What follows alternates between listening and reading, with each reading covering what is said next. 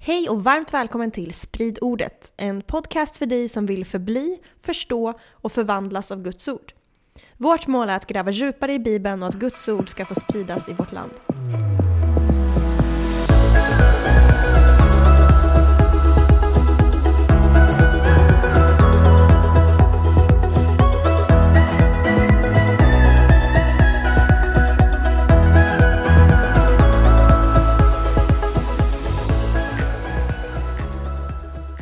Ja, nytt avsnitt, Sprid ordet och serien Guds rike.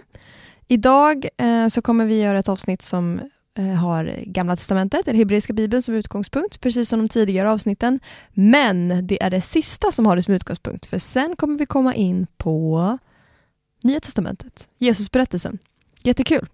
Så kul att ni hänger på och lyssnar och lär er tillsammans med oss. Vi tycker det här är så kul. Ja, och eh, halleluja för er, så får man väl säga. Absolut. Absolut. Okay. men det var ju så här, jag tänkte att vi kunde inte lämna profetlitteraturen bara med det sista avsnittet liksom. Och det här är för att vi har inte berört profeten Daniel. Har du glömt en profet? Nej, jag har avsiktligt utelämnat honom kanske, tills idag då. Och för Daniel har också jättemycket att säga om Guds rike och mänskliga riken generellt. Eh, och och därför tänkte jag att vi kan inte bara hoppa över det nu innan vi kommer till Jesus, utan vi måste gå igenom det här också. Så förra gången pratade vi om typ så här, löftet om upprättelse. Mm. Ja.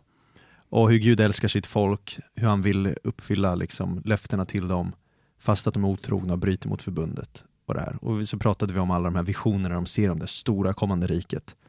Daniel ser också sådana grejer. Med skumma drömmar kommer vi prata om idag, gissar Precis! Daniel har ju en vision och sen kommer vi också läsa om drömmar som han tyder. Mycket spännande. Just det, som handlar om de här kommande rikena.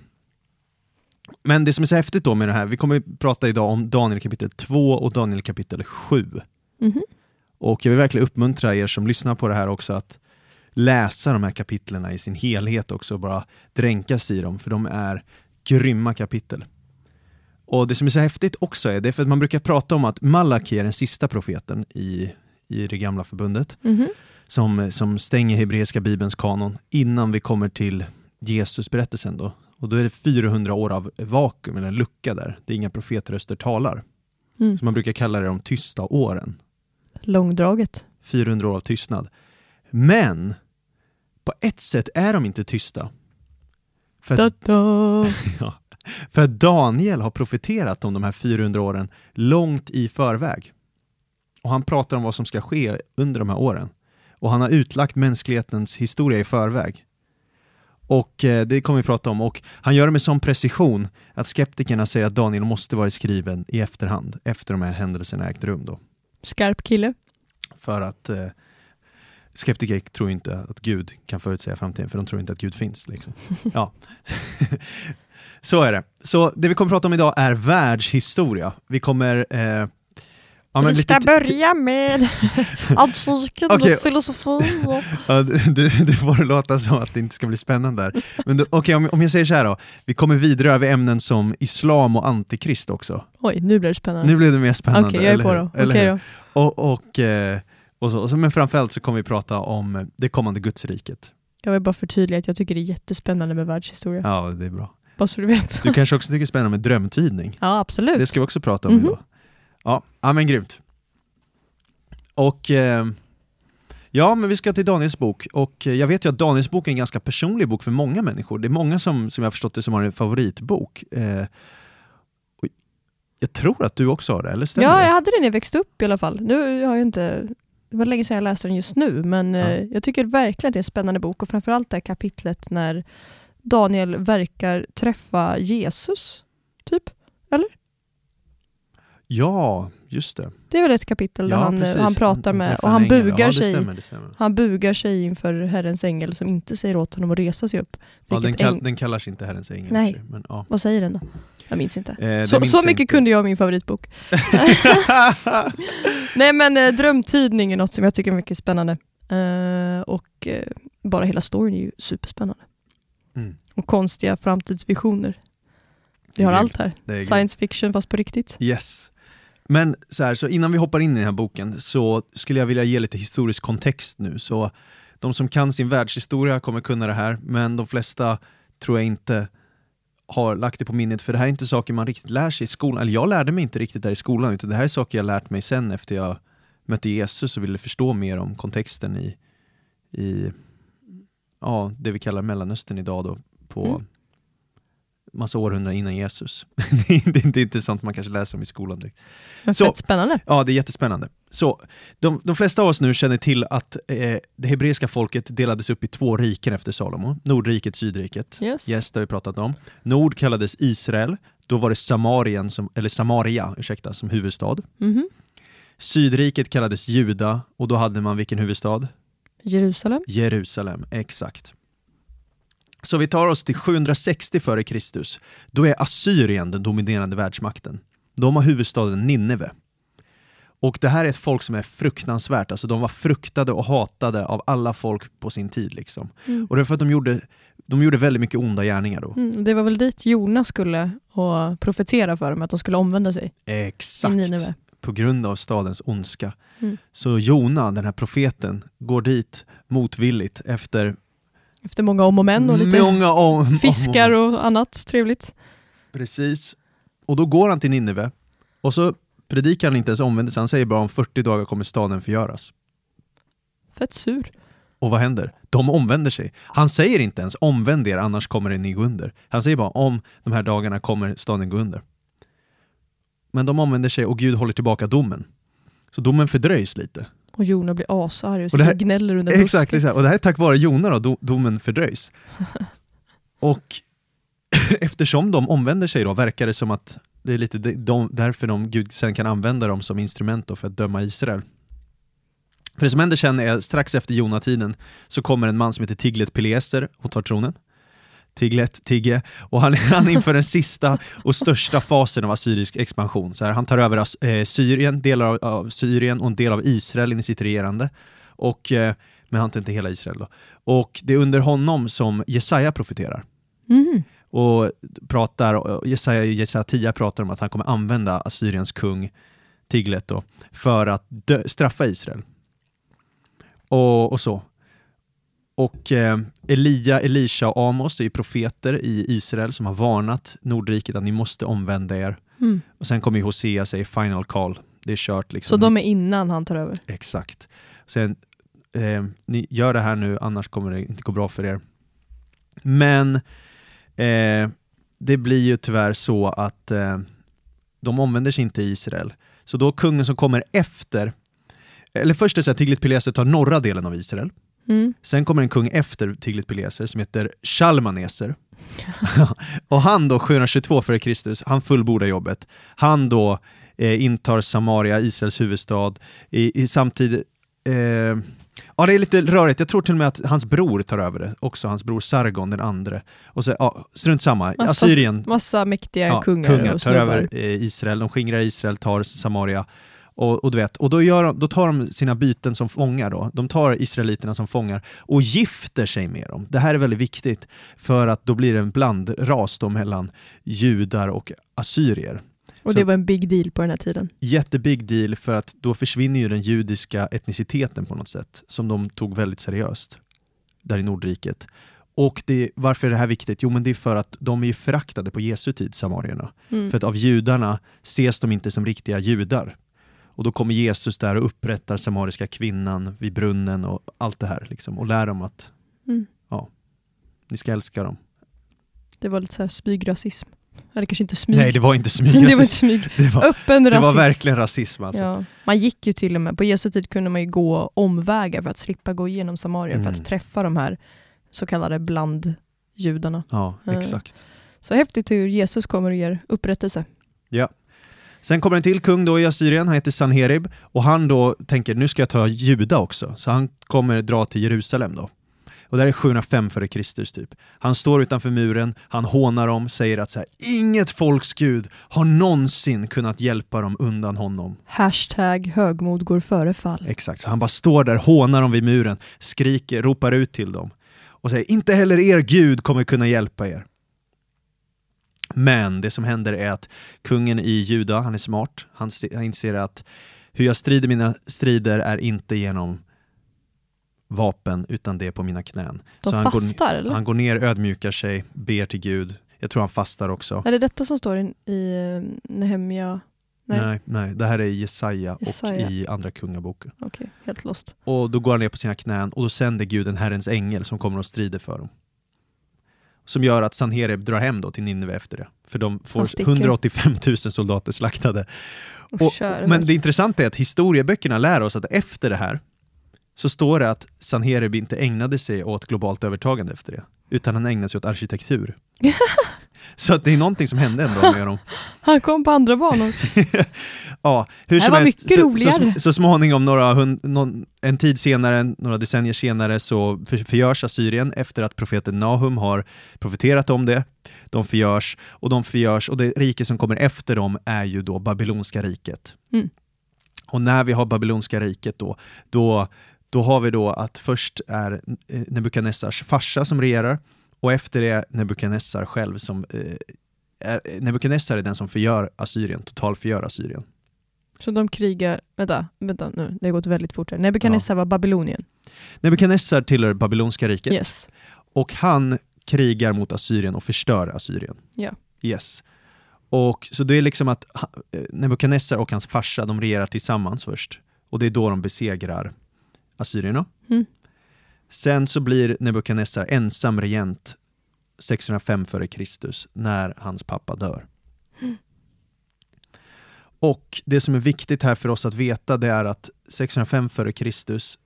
Så, så är det en strid mellan Egypten och Babylon. Vi går jättelångt Krig för hela tiden. Ja, alltså det, jag förväntar mig inte att alla ska komma ihåg allt här nu. Man får spola tillbaka och lyssna på vad vi säger om Köra och om på så här igen. långsam Ja, eh, exakt. exakt. uppspelningshastighet.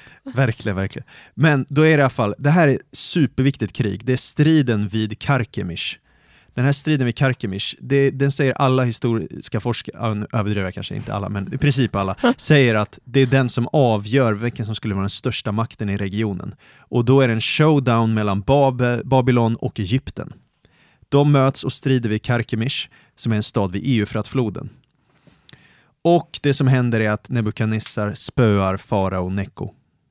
Och där fick ni lite ljudeffekter när jag smällde till där. Men,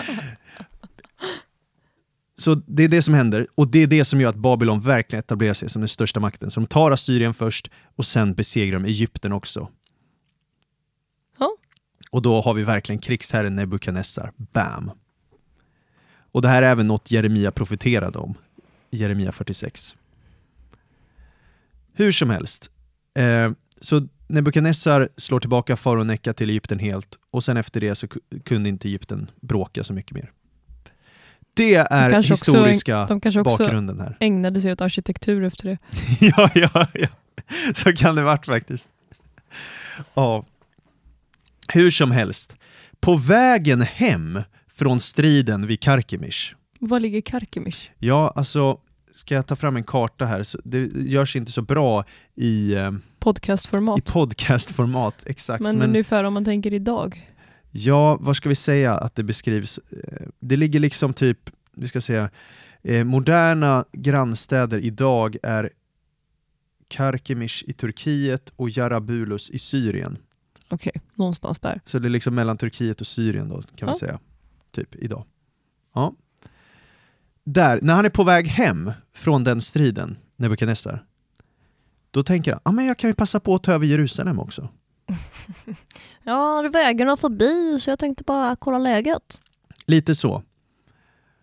Och då kommer han och tar eh, flera judar i den första babylonska deportation, deportationen. Liksom. Mm.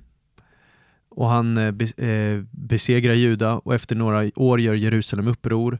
Och då kommer en till belägring för Babylon och egentligen är det tre olika deportationer i, som sker vid olika årtal. De tar folk till fånga helt Ja, enkelt. exakt, exakt. Flera gånger. Så i första 605 f.Kr. det är då Daniel tas. Sen tar man i andra belägringen, eh, då tas Hesekiel och, och sen är det tredje också. Mm. Ja. Så, det här var the background. Så ursäkta till alla er lyssnare för att det gick så fort fram. det här, Previously on ja, verkligen, man skulle egentligen ta en timme och gå in på djupet av det här, men det finns massa bra människor som pratat om det här. Det är bara att googla så hittar man säkert något. I alla Ja. fall. Eftersom han kom, eh, har tag, han ska ta över, Nebukadnessar kommer ju där till Babel sen, och så, ska, han- så har han ju tagit över tronen som ensam regent. Då tänker han så här, ja men just det, nu har jag ärvt min farsas rådgivare också vid rådet. Då kanske jag ska sätta dem på prov. Okej. Kanske ska testa Det var hans första tanke. Nej, kanske inte. Men det råkar bli så att när han är hemma där så har han ju nämligen en jobbig dröm som han inte förstår vad den betyder. Och då tänker han, Been Aha. there, done that. jag finner Så jag har varit med om det också. Så du har också gjort som Nebukadnessar, du bara, ah, jag kan inte tyda den här drömmen. Jag frågar alla mina tjänare, så här, kan ni tyda den här? Om ni inte gör det så är det off with your heads. ja, precis så. Fint att du känner mig älskling. Så det vi ska göra nu är att vi ska kolla på den här drömmen Nebukadnessar har. Spännande. Och det har han då i kapitel 2. Och efter vi gjort det kommer vi sen kolla på Daniel kapitel 7, som är en vision Daniel har, som vi också kommer se har samma budskap som den här drömmen Nebukadnessar har, men från Spoiler. olika vinklar. Ja, det är spoilers. Och jag vill bara säga då innan du ska få läsa för oss här, så kapitel 2 kommer handla om hur Nebukadnessar drömmer och ser en staty. Ja. Du vet precis hur många länder har statyer över sina före detta regenter. Och så är det olika kroppsdelar där som representerar olika riken. Och sen kommer det dyka upp en stor sten som pulveriserar den. Stenen växer, blir större och större. Ja. Den blir stor som Europa, stor som hela världen och sen kommer det, eh, den stenen täcka hela jorden. Typ så. Men jag vill bara också nämna en sak till, förlåt det är så många parenteser här får jag inne. Och det är att i Babylon tog man drömmar sjukt seriöst. Jag måste erkänna här att jag tar inte drömmar så värst seriöst. Jag har haft några enstaka drömmar jag tagit riktigt seriöst. Du tar ju drömmar mer seriöst än jag. Ja, men jag kan inte tala seriöst heller för jag drömmer så sjukt mycket knäppt. Ja, ja, ja. Men, men det var ändå så, om man, om man, jag läste Encyclo, eh, heter det, Encyclopedia Britannica. Och då ska jag läsa ett citat här, eller du kan få läsa det för oss faktiskt. Från den här encyklopedin. Ja. Om hur de såg på drömmar där. Mm. I Mesopotamien var en kungs plikt att fastställa att gudarnas vilja försökte efterlevas. Ett direktiv från gudarna kunde komma från tecken, drömmar eller läsa på inälvorna av ett offer. Jo.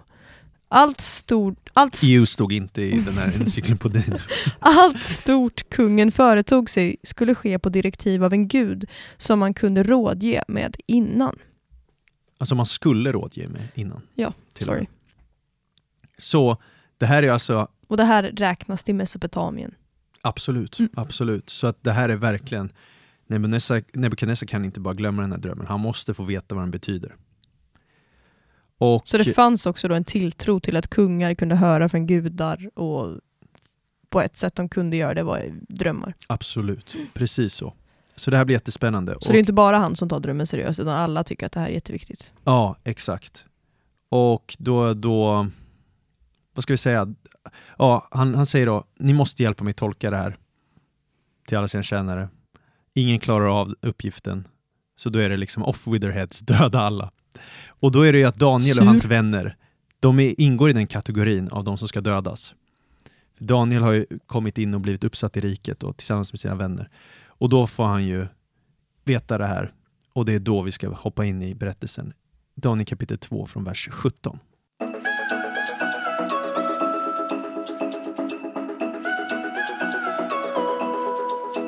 Yes, Daniel kapitel 2, 17-19. Sedan gick Daniel hem och talade om för sina vänner Hananja, Misael och Asaria vad som höll på att hända. Han uppmanade dem att be himmelens gud om förbarmande så att denna hemlighet blev uppenbarad för att Daniel och hans vänner inte skulle dödas tillsammans med de övriga vise i Babel. Då uppenbarades hemligheten för Daniel i en syn om natten och Daniel prisade himmelens gud. Ooh. Kan du tänka dig vilket bönemöte de hade den natten? Ja, de hade ju ganska mycket pressure. Om jag inte hör från Guds röst i natt så dör jag. ja, där talar vi bön alltså. Där talar vi bön. Desperation, Yes, exakt så. viktigt. värt att veta är också att eh, han har inte ens fått veta vad drömmen handlar om, för kungen har inte berättat för någon vad den handlar om, så att det förväntas också att han ska veta vad han har drömt. Så att, uh, no pressure. På ett sätt är det ju lite bra, för att då vet man verkligen att om du får en uttydning så är det från Gud. Ja, det blir så mycket ära till Gud. Ja, exakt. Och det häftiga är nu då att Daniel sen kommer komma till kungen och säga Ingen kan uttyda det du drömt, men Gud i himlen kan det. Och Gud har talat om framtiden. Mic drop. Där uppfanns den. Yes, och då ska vi höra nu vad han drömt. Daniel 2, vers 31-35.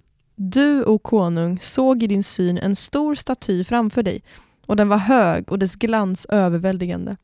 Den var förskräcklig att se på. Huvudet på statyn var av fint guld, bröstet och armarna av silver, buken och höfterna av koppar, benen var av järn och fötterna delvis av järn och delvis av lera. Medan du såg på den revs en sten loss.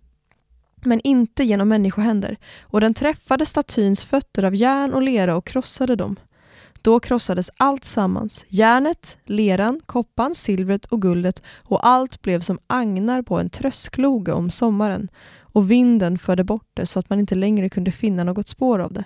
Men men av stenen som hade träffat statyn blev det ett stort berg som uppfyllde hela jorden. Där har vi det. Ganska konstig dröm. Ja, brukar drömmar vara okonstiga höll jag på att säga. Ja, eller i och för sig, du kanske brukar ha sådana drömmar. Ja, ja. nej, nej, men jag bara ser framför mig Nebukadnessar som en seriefigur som bara tappar hakan ner i golvet, typ när Daniel säger vad drömmen handlar om, eller säger drömmen. ja, det är häftigt. Och, och, och, och, så, och sen då, vi, vi, kan fortsätta läsa och så kan vi eh, se här vad Daniel säger, vers 36 och till 38. Detta var drömmen och nu vill vi säga konungen vad det betyder. Du och konung, konungarnas konung, som himmelens Gud har givit rike, väldighet, makt och ära. Din hand, I din hand har han gett människorna, djuren på marken och fåglarna under himlen, var de än bor, och han har satt dig till herre över allt sammans. Du är det gyllene huvudet. Exakt. Och han säger du är det gyllene huvudet. Och nu kommer han börja förklara då att de här statyerna, olika metaller symboliserar olika riken. Så guldhuvudet representerar Babylon. Mm. Nebukadnessar regerar ju över Babel i 43 år, mellan 605 till 562 f.Kr. Under den här tiden är Babel centrumet för religion, rikedom och utbildning. Och alla andra riken är i skuggan av dess inflytande. Mm. På den här tiden flödade guld in i Babel. Typ allt guld från Salomos era togs av Babel. Mm. Den grekiske historikern Herodotus han besökte staden Babel och vittnade om dess härlighet. Och han beskrev det verkligen som du ett gyllene en gyllene era. Mm. Och det, det, finns en sån myt, eller ja, rykte, som, man brukar säga så här, man brukar säga att man plundrade Babel i tusen år efter dess storhetstid och det fanns fortfarande guld att hitta. Wow! Så det är liksom det riket vi talar om. Och efter Nebukadnessar dör, då kommer några kungar och efteråt. Och sen så regerar Nabonidus och Belshazzar. Eh, och när de regerar så kommer Perserriket och omkullkastar dem.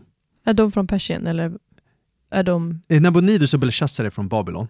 Och sen kommer Persiska riket och omkullkastar dem. Det är väl Belshazzar som har en väldigt läskig fest. Exakt, också i Daniels bok. Jaha, fingrar på väggar och sånt. Ja, precis. Och då uppfylls nästa sak Daniel beskriver. Om vi läser nästa vers som är vers 39 då. Men efter dig ska det uppstå ett annat rike, obetydligare än ditt. Och det här är alltså silverriket då, där det var bröst och armar av silver. Mm. Det här obetydligare, eller ringare riket, det är alltså lägre i stå ståtlighet och lyx. Men det betyder inte nödvändigtvis att det kanske är svagare. Mm. För att um, Bibeln nämner två personer som så här omkullkastar Babel. Den första är i Daniel 5.31, Meden Darajeves och den andra är Jesaja 45, Koresh, även kallad kung Kyros eller Syros. Mm. Och den här kung Kyros, han var både medier och persier på något sätt. Jag orkar inte gå in på hans släktled liksom nu, men han, han, han är kopplad till både medierna och persierna. Mm. Och det som händer är att han tar över per, Persien och Medien så att han, är liksom, han styr över Persien och Medien, men han är inte oberoende regent över Medelriket. Mm -hmm. Men poängen varför det här är viktigt då, det är för att Daniel ser en staty. Det här är ju alltså innan Perserriket ens finns, så, så, så tolkar han ju den här drömmen. Och det är att han ser en staty, silverstaty, med Mm. två armar, eller hur? Ah, Och där har vi Persien och Medien. Det är två armar. Som sitter ihop för att han tillhörde båda, eller han tog båda. Exakt. Men Persien kommer visa sig vara den starkare sidan. Han var högerhänt. ja, men det där är relevant för att sen när vi kommer till Daniel kapitel 7 så kommer vi se istället bilden av en björn. Och björnen kommer resa sig på ena sidan. Men jag går händelserna i förväg. Men jag vill berätta någonting om Kyros här. Nu ska vi berätta en story här. Det är så mycket fakta och folk kanske blir eh, uttråkade eller Snurriga. snurriga. Men, men så här då, det, det här är så vi förstår hur cool Bibeln är ändå. Daniel har alltså profeterat om Perserriket innan det äger rum. Mm. Bara det är coolt. Bara det är coolt. Men Jesaja har också gjort det. Nu ska vi leva oss in i Kyros värld här. Kung Kyros, eller Koresh som han kallas i Bibeln. Det är persierkungen. Mm. Tänk dig nu att du är kung över Persien parallellt som världens största rike, Babylon, existerar. Okej, Du ser framför dig att du är kung. Du är kung över Persien. Absolut. Ser de persiska mattorna? Yes, kronan är på. ja, exakt. Och då bestämmer du för att nu ska jag invadera Babylon och ta staden Babel. Den Vilken bra idé. staden som ansågs ointaglig. För jag vill bli störst i regionen. Såklart. Babel har en flod som heter Eufrat. Och den flyter genom staden och omringar staden. Så Babel alltså har en flod runt sig. Hur kan det både flyta igenom Men och... de har ju väl riktat floden sådär. Den, den gick liksom runt Babel. Så man, det, det är sagt att man har, hade liksom vatten runt Babel. så. Och eh, då får Koresh en idé. Hmm, jag kanske ska omdirigera floden. Så att vattnet runt Babel börjar sjunka. Så vattnet börjar sjunka. Sneaky, sneaky. Och när vattnet sjunkit så pass lågt, då kan ju bara armén gå över och ta sig in i staden utan problem. Och folket och kungen i Babel var helt ovetande om det här, tack vare den här skickliga manövern. Och då lyckas han inta den här ointagliga staden, i princip utan en strid på en enda dag. Skickligt. Otroligt skickligt. Så han tar över babylonska riket, som nu blir en del av persiska riket då. Mm. I samband med det här så har du ju massa judiska fångar Ja. de här judarna har ju massa heliga skrifter, eller hur? Mm. Och så får du räckt en gammal skriftrulle från profeten Jesaja. Som är skriven typ 170 år innan. Luta sig tillbaka i hängmattan. Nu ska jag läsa lite historia om mina fångar. nej, men, nej men så här, Det var då han upptäckte. tänk dig att eh, det är ändå så här att Daniel levde ju på den här tiden. När Daniel Lejongropen utspelar sig i Perserriket. Ja. Inte i Babylon. By the way. Men i alla fall, Koresh, ta, tänk dig att han tar en Jesaja bokrulle. Och så börjar han läsa ur Jesaja. Och så börjar han läsa så här. Jag tycker vi ska läsa det faktiskt, Jesaja 44. Från vers 24 till 28. Så säger Herren din återlösare, han som format dig alltifrån moderlivet. Jag, Herren, är den som har gjort allt, den som ensam har spänt ut himlen och brett ut jorden. Vem var med mig? Jag är den som gör lögnprofeternas tecken om intet och gör spåmännen till dårar, den som låter de visa komma till korta och gör deras kunskap till dårskap, men som bekräftar sin tjänares ord och fullbordar sina sändebudsråd. Jag är den som säger om Jerusalem, det ska bli bebott, och om Judas städer, det ska bli uppbyggda. Jag ska resa upp deras ruiner. Jag är den som säger till havsdjupet, torka ut, dina strömmar ska jag låta sina.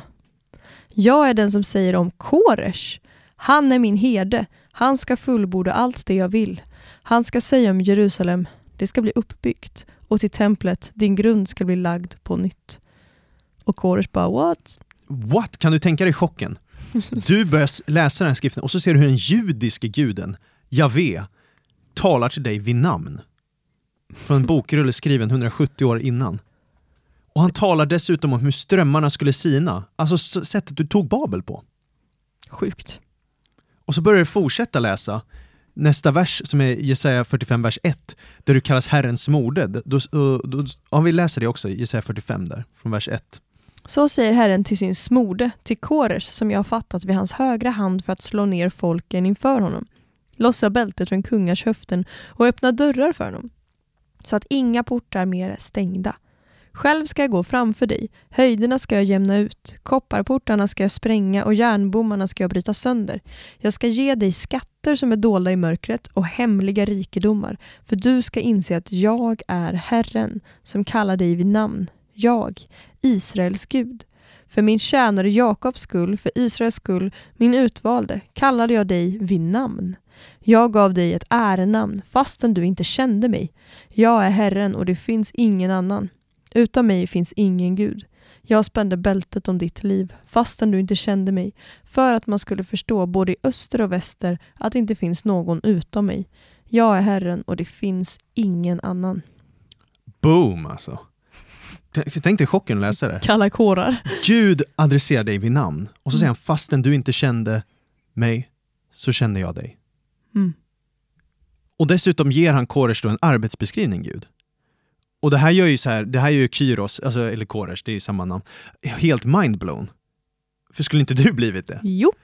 Och han blir så tagen av det här så att han gör precis som Jesaja profeterat. Och han säger åt judarna att återvända till Jerusalem och bygga upp templet. Och det är det här Esra beskriver i kapitel 1 då. Jag tänker att eh, Gud visste att på den tiden, eller nu också i och för sig, men han bara visste att alla är så fruktansvärt envisa och maktgalna så han bara, hur ska jag lösa det här nu? jag vet! Jag får säga till honom 170 år i förväg. Då kanske han gör som jag vill. Ja, men det är mäktigt alltså. Och den här Kyros, han var ju verkligen en kung som hade stor religionsfrihet. Han inför egentligen världens första religionsfrihet. Perserriket är först med det i världen. För att han, han, han låter ju judarna då komma hem till Jerusalem, bygga upp templet igen. Men dessutom så, jag kommer ihåg att han, han började dyrka också, eller han kysser typ Marduks fötter, alltså Babylons gud och sådana här grejer. Så att han inför liksom att alla får utöva den typen av dyrkan man vill. Så han är första som inför religionsfrihet då. Där ser man. I alla fall, varför är det här ett silverrike i Nebukadnessars dröm då? Utöver de här två armarna och allt det. Varför är det silver? Jo men dels är det för att efter Kyros kommer en senare en kung som heter Darius den store. Han tar över Perserriket 521 f.Kr. Och det är under hans regeringstid som riket blir ja, men silver kan vi säga. För att han expanderar riket, han inför en universell valuta, ett myntsystem för att styra handel över sitt rike.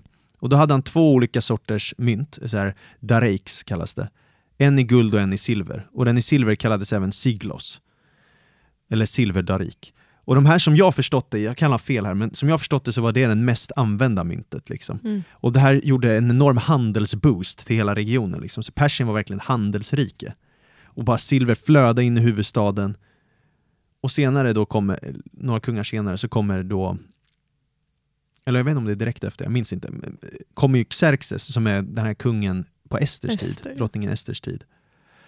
Och sen för att göra en lång historia kort, så 331 f.Kr. så kommer Alexander den store med sitt grekiska rike och gör slut på persiska riket.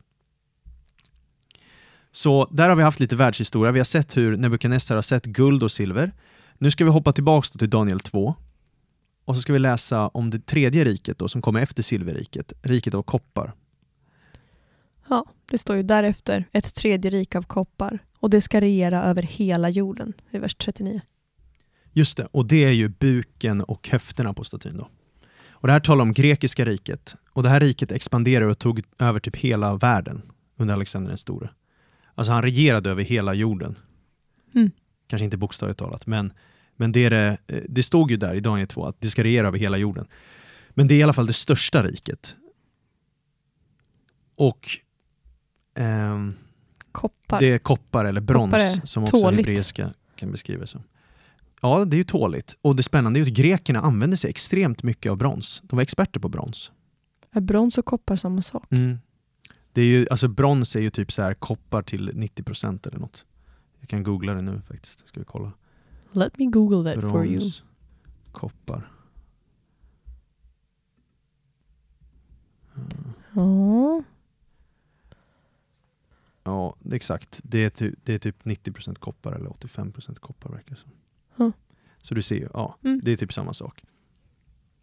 Och eh, grekerna var experter på brons. De hade sina bröstharnesk i brons, alltså sina rustningar. Mhm. De hade sköldar av brons, svärd av brons, även om vissa vapen var av järn. Men liksom de hade jättemycket av brons då. Och sen det roliga är också att bronsstatyer producerades också i tusentals i den här hellenistiska världen, grekiska världen. Mm. Så du vet porträtt av regenter, medborgare i stora städer, bilder av gudar, hjältar, atleter och så vidare. Men få av de här bronsstatyerna överlevde dock. Och det är därför vi har ett falskt intryck idag av att de antika skulpturerna främst var av marmor. Jaha. Eller hur? Spännande. Och det här, det här tog jag reda på, inte från en kristen källa, utan från National Gallery of Art. Kollade jag upp det på. Så det är rätt intressant, eller? Verkligen. Man, man det, men det finns sådana som har överlevt eller?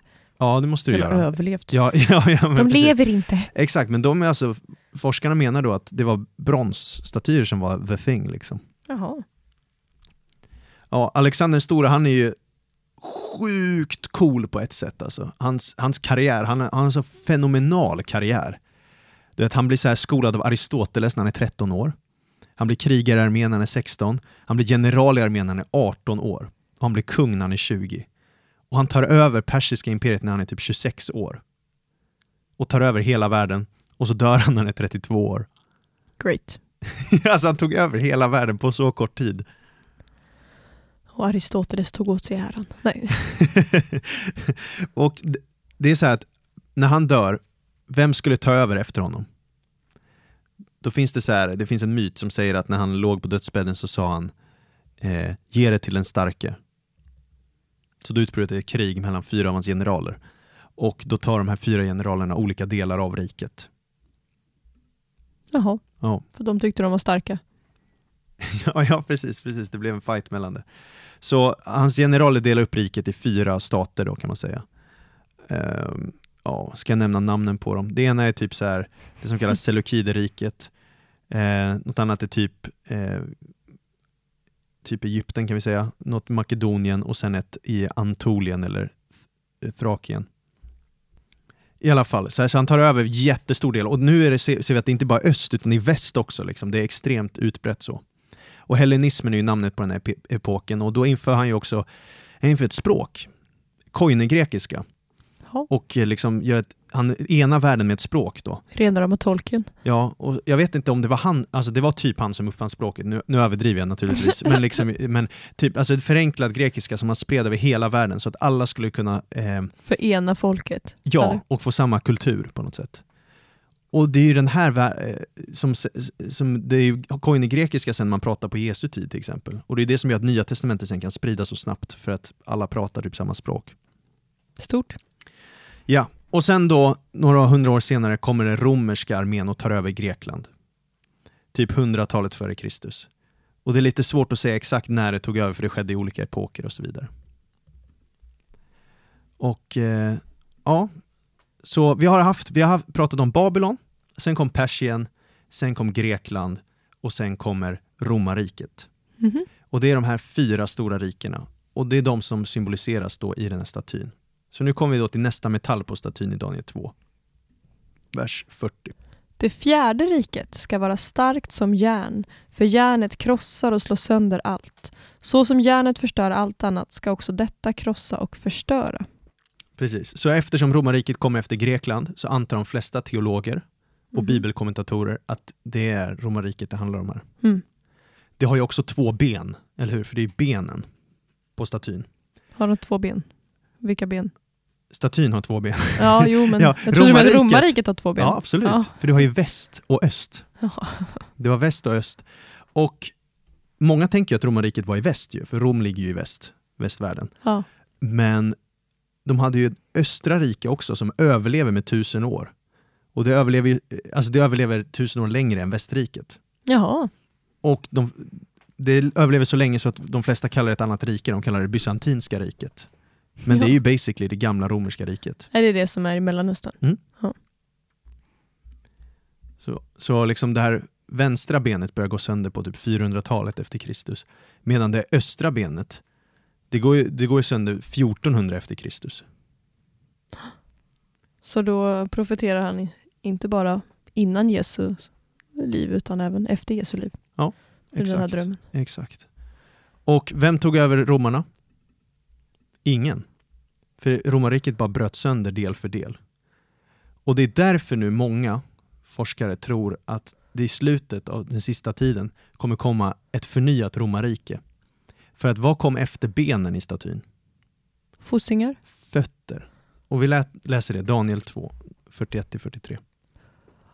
Och att du såg fötterna och tårna var delvis av krukmakarlera Vänta. Och att du såg fötterna och tårna vara delvis av krukmakarlera och delvis av järn. Det betyder att det ska vara ett splittrat rike men med något av järnets fasthet. Du såg ju att där var järn blandat med lerjord. Att tårna på fötterna delvis var av järn och delvis var av lera betyder att riket ska vara delvis starkt och delvis svagt. Att du såg järnet vara blandat med lerjord betyder att människor ska blanda sig med varandra genom giftermål, men att de inte ska hålla samman, lika lite som järn kan förenas med lera. Ja. Förvirrande. Men i alla fall, ett rike fyllt av skilsmässor. ja, väldigt splittrat i alla fall. Och många, då, många teologer tror att det här talar om ett förnyat romerskt rike. Och då är den stora frågan, är det i väst eller i öst? Pappa. Det vet vi inte. Men i alla fall, det finns en alternativ teori sen till romarriket eh, som skulle handla om ett annat rike och det är väldigt spännande, men det tar jag upp lite senare. Och efter det här i drömmen så kommer då en sten från himlen och det är en bild på Guds rike som kommer förstöra statyn. Alla riken kommer falla och Guds rike kommer ta plats. Det kommer slå ner statyn via fötterna och allt kommer krossas. Stenen kommer bli ett stort berg som symboliserar Guds rike. Himlens Gud ska upprätta ett evigt rike och då kommer det inte komma någonting efter det. Eh, och vi läser det, Daniel 2, 44-45. Men i de kungarnas dagar ska himmelens Gud upprätta ett rike som aldrig i evighet ska förstöras och vars makt inte ska överlämnas till något annat folk. Det ska krossa och göra slut på alla dessa andra riken, men själv ska det bestå för evigt. Du såg ju att en sten revs loss från berget, men inte genom människohänder, och att den krossade järnet, kopparn, leran, silvret och guldet. Så alla riken verkar ju krossas samtidigt där av Guds rike på något sätt. För det Mm. står ju att då krossades allt sammans. Hmm, intressant. Men där har vi i alla fall Daniel 2. Så vi har liksom, varför läser vi det här i serien Guds rike? Jo men det är för Guds rike kommer ju där med kraft och etableras på jorden. Sten. sten, sten, kasta sten gör Gud. En stötesten. ja. Så sammanfattningen, sammanfatta Daniel 2, det är typ, det är en staty, Nebukadnessar har en dröm av den, Daniel uttyder den. Mm. Han Och ser, det talar om ett kommande rike som ska vara större än allt annat och leva för evigt. ja exakt, och han ser alla de här riken i progression innan de äger rum. Boom. Boom, That's my God. that's my God. Då går vi till, då ska vi gå vidare till Daniel 7.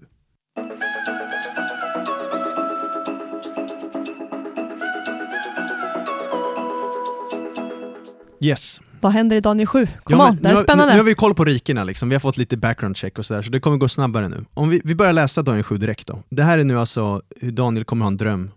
Eller ja, en till dröm. Ja, det är en dröm ja, det är inte en vision. Wow. Ja, kör i alla fall den- Okej, Daniel 7, 1-3. ja, det blir I den babyloniska kungen Belsassars första regeringsår hade Daniel en dröm och såg en syn när han låg på sin bädd. Sedan skrev han ner drömmen och meddelade huvudinne- huvudinnehållet av den. Daniel sa, jag hade en syn om natten och såg hur himlens fyra vindar stormade fram mot det stora havet och fyra stora djur steg upp ur havet, det ena inte likt det andra. Så nu kommer vi möta fyra stora djur. Och känsliga lyssnare varnas. Och vi kommer se dem i perfekt parallell med statyn i kapitel 2. Vi kommer möta ett bevingat lejon som kommer vara parallell med guldhuvudet. Vi kommer möta en björn som ligger på sidan som kommer vara parallell med silvret. En leopard som kommer vara parallellt med kopparn. Och ett fruktansvärt odjur som kommer vara parallellt till järnet. Då. Så vi kör, djur nummer ett Jenny, vers fyra. Det första liknade ett lejon, men det hade vingar som en örn. Medan jag ännu betraktade det rycktes vingarna av djuret och det, restes, och det restes upp från jorden så att det stod på två fötter som en människa. Och det fick ett mänskligt hjärta. Där har vi det. Usch, en grip. Vi har ett vingat lejon. Och det här är så spännande för det är verkligen en bild på Babel. Och det här har vi en speciell svensk koppling till. Som jag är lite excited över. Och det är att i Göteborg så finns det ett museum som heter Röska museet. Sveriges framsida. Ja, det kan vi debattera, men det finns, Rö- Röska museet finns där. Om du som bibelnörd inte varit där, åk dit. För där, det är nämligen så här att i, på Babels tid så fanns det över 120 lejon i keramik som dekorerade vägen till Babel och även inre tronrummet. Och då var det alltså vingade lejon, bevingade lejon som var så här olika keramik. Och då är det i Röska museet i Göteborg så har vi en av de här från Babyloniska riket bevarad. Så kanske från det tronrummet. Det är från det tronrummet. Forskarna kollar var, hur svansen går, om den går upp eller ner. Och så har de bedömt att vi tror med högsta sannolikhet att det här är från tronrummet. Det vill säga att kung Nebukadnessar själv såg det här. Det är så sjukt. Eller profeten Daniel för den delen, han såg det där. Det är så coolt att vi har det i Sverige. Om du då ska till Röhsska museet så är det på första planet, direkt in till höger. Ja, vi har varit där, det är grymt alltså. Men, men hur som helst, så vi ser här att det blir väldigt passande att Babel har det som bild, att det är ett lejon med vingar. Men sen såg vi också där i synen hur det blev en människa och får ett nytt hjärta. Och det här verkar vara en referens till Nebukadnessar som eh, genomgår en transformation i Daniel kapitel 4. Just det, han blev galen och blir typ ett djur. Ja. Och sen blir han en människa igen. För att han ödmjukar sig inför Gud. Han hade stolthet och sen ödmjukar han sig. Ni hör ju, läs Daniel. Så spännande Ja, det är så spännande. Okej, vi tar djur nummer två då. Vers 5 då. Sedan fick jag se ännu ett djur, det andra i ordningen. Det liknade en björn och det reste sig på sin ena sida och i gapet hade det tre revben mellan tänderna. Det fick befallningen stå upp och sluka mycket kött. Ja, och det här är inte en rysk björn. Det, här är en persisk björn. Hur vet du det? ja, jag vet det. Det här är Perserriket. Koresh, alltså Kyros, han tog ju över det mesta. Eh, han gick fram med och slukade upp riken. Och då de här tre Var det han som gick in med floden? Exakt, Ja. exakt. Och, då, och vi pratade ju där om att den reste sig på ena sidan. Det är ju för att Perserriket var starkare än Mederriket. Mhm. Kommer Ja, du ihåg? Ja, yes, du minns. Och sen det här med tre revben, då är det bibelkommentatorerna, de, de skiljer sig. De tror antingen att det refererar till Babylon, Egypten och Lydien, som är alltså tre stora eh, riken som övervanns. Och en del andra menar att det representerar tre folkslagen de tog över. Alltså, eh, eller de som de styrde över, medierna, persierna och babylonierna. Mm. Hur som haver, det handlar i alla fall, det är en profetia om Persien. Mm. Djur nummer tre då. Vers 6. Därefter fick jag se ett annat djur som liknade en leopard, men på sidorna hade det fyra fågelvingar. Djuret hade fyra huvuden och det fick stor makt. Så här har vi alltså en leopard. Det är ju otroligt snabbt djur. Är det lika snabbt om de har fyra huvuden? Det är nog extra snabbt för det har fågelvingar. Eller hur? Så det är supersnabbt. Och om man ska beskriva Alexander den stores karriär, Fast. då talar vi snabbt. Eftersom han tog över hela världen typ vid 28 års ålder. Där ligger du Lä. Där ligger jag i lä. Det finns också ett sådär fake citat, ett mytiskt citat som egentligen, när man fact-checkar verkar inte stämma, men jag tycker det är så bra. Så det, det, Alexander den store, det man säger att han påstås ha sagt liksom, det finns inga fler världar att ta över och hade gråtit över det liksom, när han var 28 år. Men det är tydligen bara lite... Man har inte hittat någon fact-check på det, men det är säkert så han upplevde det, för att han tog över hela världen. Och sen har han ju fyra vingar Eller och så fyra var han helt huvuden. slut och dog. Ja, ja, precis. Men vad händer då? Det är ju de här generalerna. Kommer du ihåg jag nämnde det? Mm, att har som fyra delade upp generaler. riket. Exakt. Och då sa han ju, ge det till den starkaste. Generalerna börjar bråka och tar upp det i olika delar. Då. Så du har det här regionen av Egypten, du har den här eh, Seleuciderriket som är typ moderna Turkiet, eh, Afghanistan, Pakis- Pakistan, typ där. Sen har du eh, en annan dynasti då som är typ eh, moderna regionen Bulgarien. Och sen har du en som eh, regerade över moderna typ eh, Makedonien och Grekland. Mm. Sen tar vi djur nummer fyra då, det här spännande djuret. Ja, och då är det vers 7 och 8. Sedan fick jag i min syn om natten se ett fjärde djur. Mycket förskräckligt, fruktansvärt och starkt. Det hade stora tänder av järn. Det, slu- det uppslukade och krossade och det som blev kvar trampade det under fötterna. Det var olikt alla de tidigare djuren och hade tio horn. Men medan jag såg på hornet fick jag se hur ett annat horn sköt upp mellan dem. Ett litet horn som stötte bort tre av de förra hornen. Det hornet hade ögon som liknade människoögon och en mun som talade skrytsamt. Läskiga drömmar. Så då är det så här. Djur 1, 2, 3 hade Daniel inte svårt för. Men nummer 4 var väldigt svårt. För han kan inte ens beskriva det som ett djur. Det har järntänder, vilket verkar vara en länk till Daniel 2, för det var också i järn, det där det riket. Det står att det uppslukar och krossar, alltså krossar. Och sen står det hur det här har tio horn. Och det är spännande för statyn har ju tio tår. Eller hur? Ja.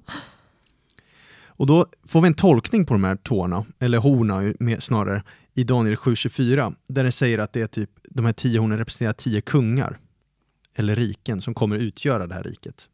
Mm. Och sen beskrivs det om hur eh, tio kungar kommer uppstå, men efter dem kommer en annan uppstå, vara olik de förra och kommer slå ner tre kungar. Och det här vi kommer in på väldigt mystiska grejer och då skulle man behöva långa bibelstudier om det.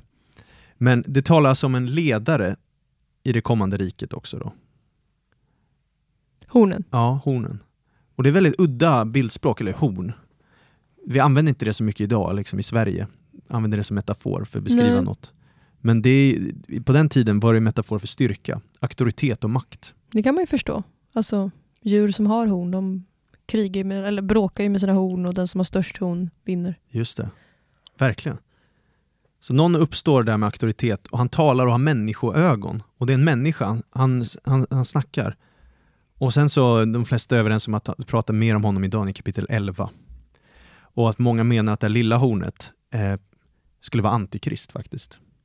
Många teologer som tror. Den här karaktären som man menar ska uppstå i sista tiden. Ja, varför tror man det? Ja, jag hinner inte gå in på det. Alltså det för vi, får Sorry. göra, vi får göra typ massa episoder om det någon gång. Om antikrist. Det hade varit kul. Ja. I alla fall. Kul! Vi kan läsa lite om det i alla fall, så vi inte bara left us hanging här. Så vi läser Daniel 7, 25-27. Denne, alltså det lilla hornet, ska tala mot den högste och ansätta den högstes heliga. Han ska sätta sig i sinnet att förändra heliga tider och lagar och det ska ges i hans hand under en tid och tider och en halv tid. Men dom ska hållas och hans, väl, hans välde ska tas ifrån honom och han ska fördärvas och förgöras i grund. Men riket, makten och väldet över alla riken under himlen ska ges åt det folk som är den högstes heliga. Hans rike är ett evigt rike och alla välden ska tjäna och lyda det. Ja. Så här har vi liksom hur den här lilla hornet sätter sig upp mot den högste och Ja. det högstes heliga och gör alla de här sakerna och det beskrivs som en tid och en, eh, två eh, tider och en halv tid och så här. Och när man länkar samman det med Uppenbarelseboken 13 sen och slänger in det i mixen då börjar man se så här att ja, men det här kan mycket väl tala om typ något antikrist liknande. Och många brukar säga att typ Daniel 2, där med statyn, det är hur människor ser på världens riken, medan Daniel 7 är hur Gud ser på världens riken. Mm. Daniel 7 är djuriska. Bestialia. Eller ja, bestialia, hitta på ett ord. Är bestiality liksom. Ja. I alla fall, det är spännande för att i Uppenbarelseboken 13, om vi bara hoppar in i framtiden, då är ju det här fjärde odjuret i Daniel 7, Nu är det dags att vända blad. och då beskrivs det som en kombination av leopard, björn och lejon. Där. Det här vilddjuret. Ett Ja. vilddjur liknar en leopard. Det hade fötter som en björn och ett gap som ett lejon. Och draken ger det sin makt och sin tron och stor myndighet. Så det är liksom en kombination av alla riken. Är, man kan säga att det är en kombination av Babel, Persien och grekerna. Alltså kanske Babels avgudadyrkan och lyx. Kanske persernas pluralism och handel. Mm. Och religionsfrihet, alltså, eller säger jag, religion, alltså massiv religionsutövning Mm. religionsfrihet kommer inte vara så mycket, det kommer vara tvång. Alltså. Ah. Men, och grekernas erövringshastighet och stridskonst, vad vet jag? Men det är i alla fall piken av mänskliga riken. Mm. Och sen, det är det Gud till slut kommer besegra. Då. Och lite som statyn i kapitel 2 så förstörs alltihop. För det som händer är ju att eh, i Daniel 7 så kommer vi se sen hur en människoson kommer fram. Människosonen. Där har vi det. Och han kommer, sätter sig på tronen, får all rikes makt, härlighet och ära och tar över allting. Och då kommer det vara en människa som styr istället för djur som styr världen. Mm. Och det kommer vara Guds egen son då, människosonen. Det är Jesus favorittitel. Människosonen. Ja. Boom. Så det här sista riket, många teologer kallar det liksom Romfas 1 och Romfas 2. Och väntar därför på ett förnyat romarrike i den sista tiden. Och det finns ju olika så här, vad ska vi kalla det, eskatologiska synsätt, alltså synsätt på sista tiden. Mm. Mm. Vissa eh, har ju olika hållningar. Så där. Jag är inte av hållningen att Uppenbarelseboken har inträffat år 70. Vissa tror det. Jag tror inte det. Nej. Av flera skäl. Liksom. Men om man, om man gör det, det är fine. Sådär. Jag, Vi märker. Ja, ja vi, vi märker, ja, men, eller hur? Men, men, och vi kan prata om varför jag håller som jag tror. Och sen är ju profetier cykliska också, som vi har pratat om i podden många gånger, så att vissa uppfyllanden kan ju skett och sen ger dubbla lager, trippla Ja. lager och sådär. Men jag skulle bara, jag lovade ju i början av avsnittet att jag skulle prata om islam lite, och jag vill bara introducera en liten, liten teori här kring det här med romarriket.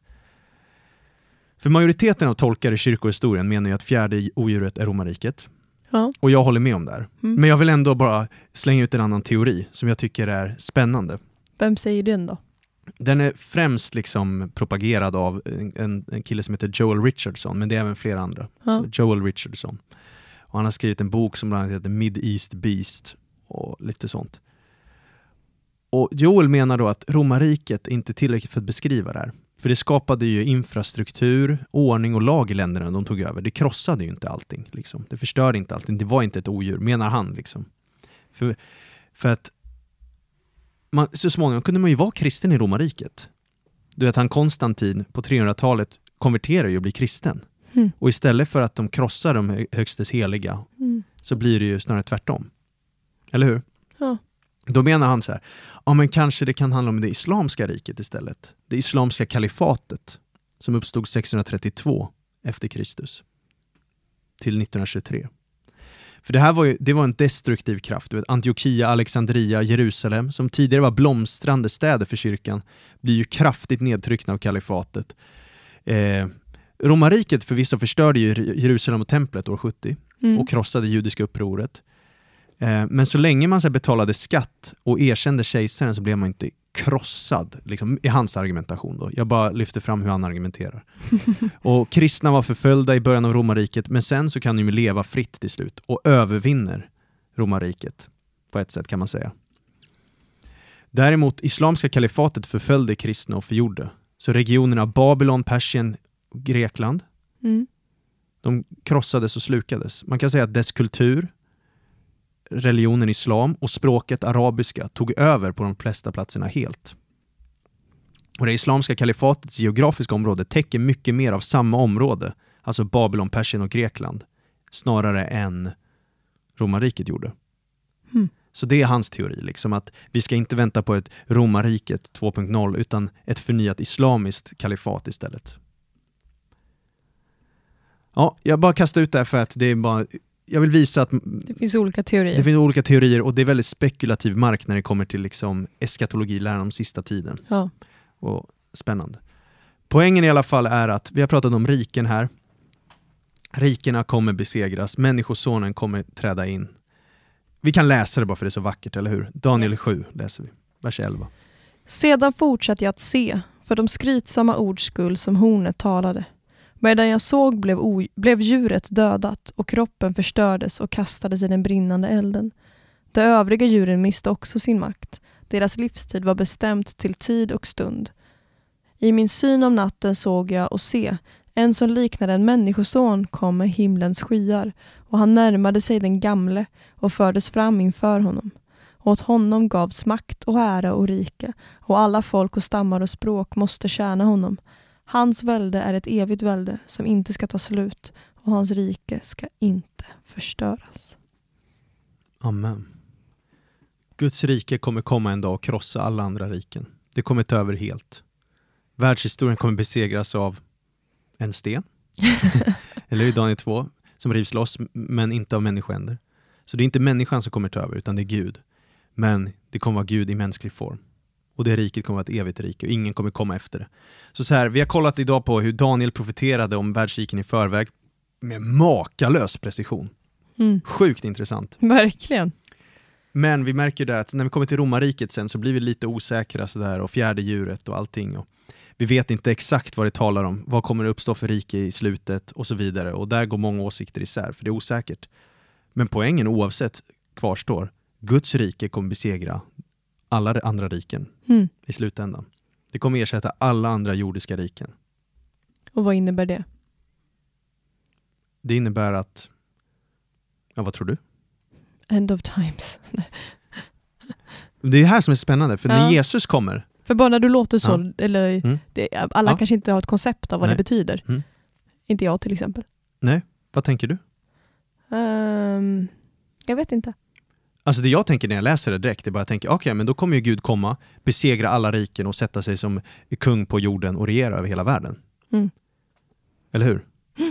Och regera, och det kommer vara världsfred och allt det här och alla visioner vi hörde talas om i förra avsnittet, som de ser att liksom alla folk kommer strömma till Jerusalem, det kommer vara fantastiskt, Gud kommer vara kung i Jerusalem, alla människor kommer tjäna honom, dyrka honom, människor kommer ha nya hjärtan, det kommer vara fantastiskt, alla odjur, alla riken som går emot Guds vilja kommer vara besegrade. Eller hur? Mm. Och det är därför det blir sån spänning när Jesus kommer. Ja. Han kommer och säger Guds rike är nära. Han påstår sig att säga att Guds rike har kommit. Mm. Och det är då vi får den här spänningen, för vi har alla de här profetvisionerna om hur riket kommer ta över helt och fullt på jorden. Alla världens riken kommer besegras, det kommer ta över helt. Så det var därför folk inte såg Jesus som Messias, för att de förväntade sig att han skulle komma som en krigsherre och ta över allting. Exakt. Och så kommer han där och tvättar fötter. Liksom. Precis, precis. Så det vi märker är som att Guds rike bryter fram i omgångar. Och med Jesus kommer det då. Nu, men inte ännu. Och det är den spänningen vi kommer prata om i episoder framöver. Liksom nu. Att vi kommer se som att Guds rike kommer i och med Jesus.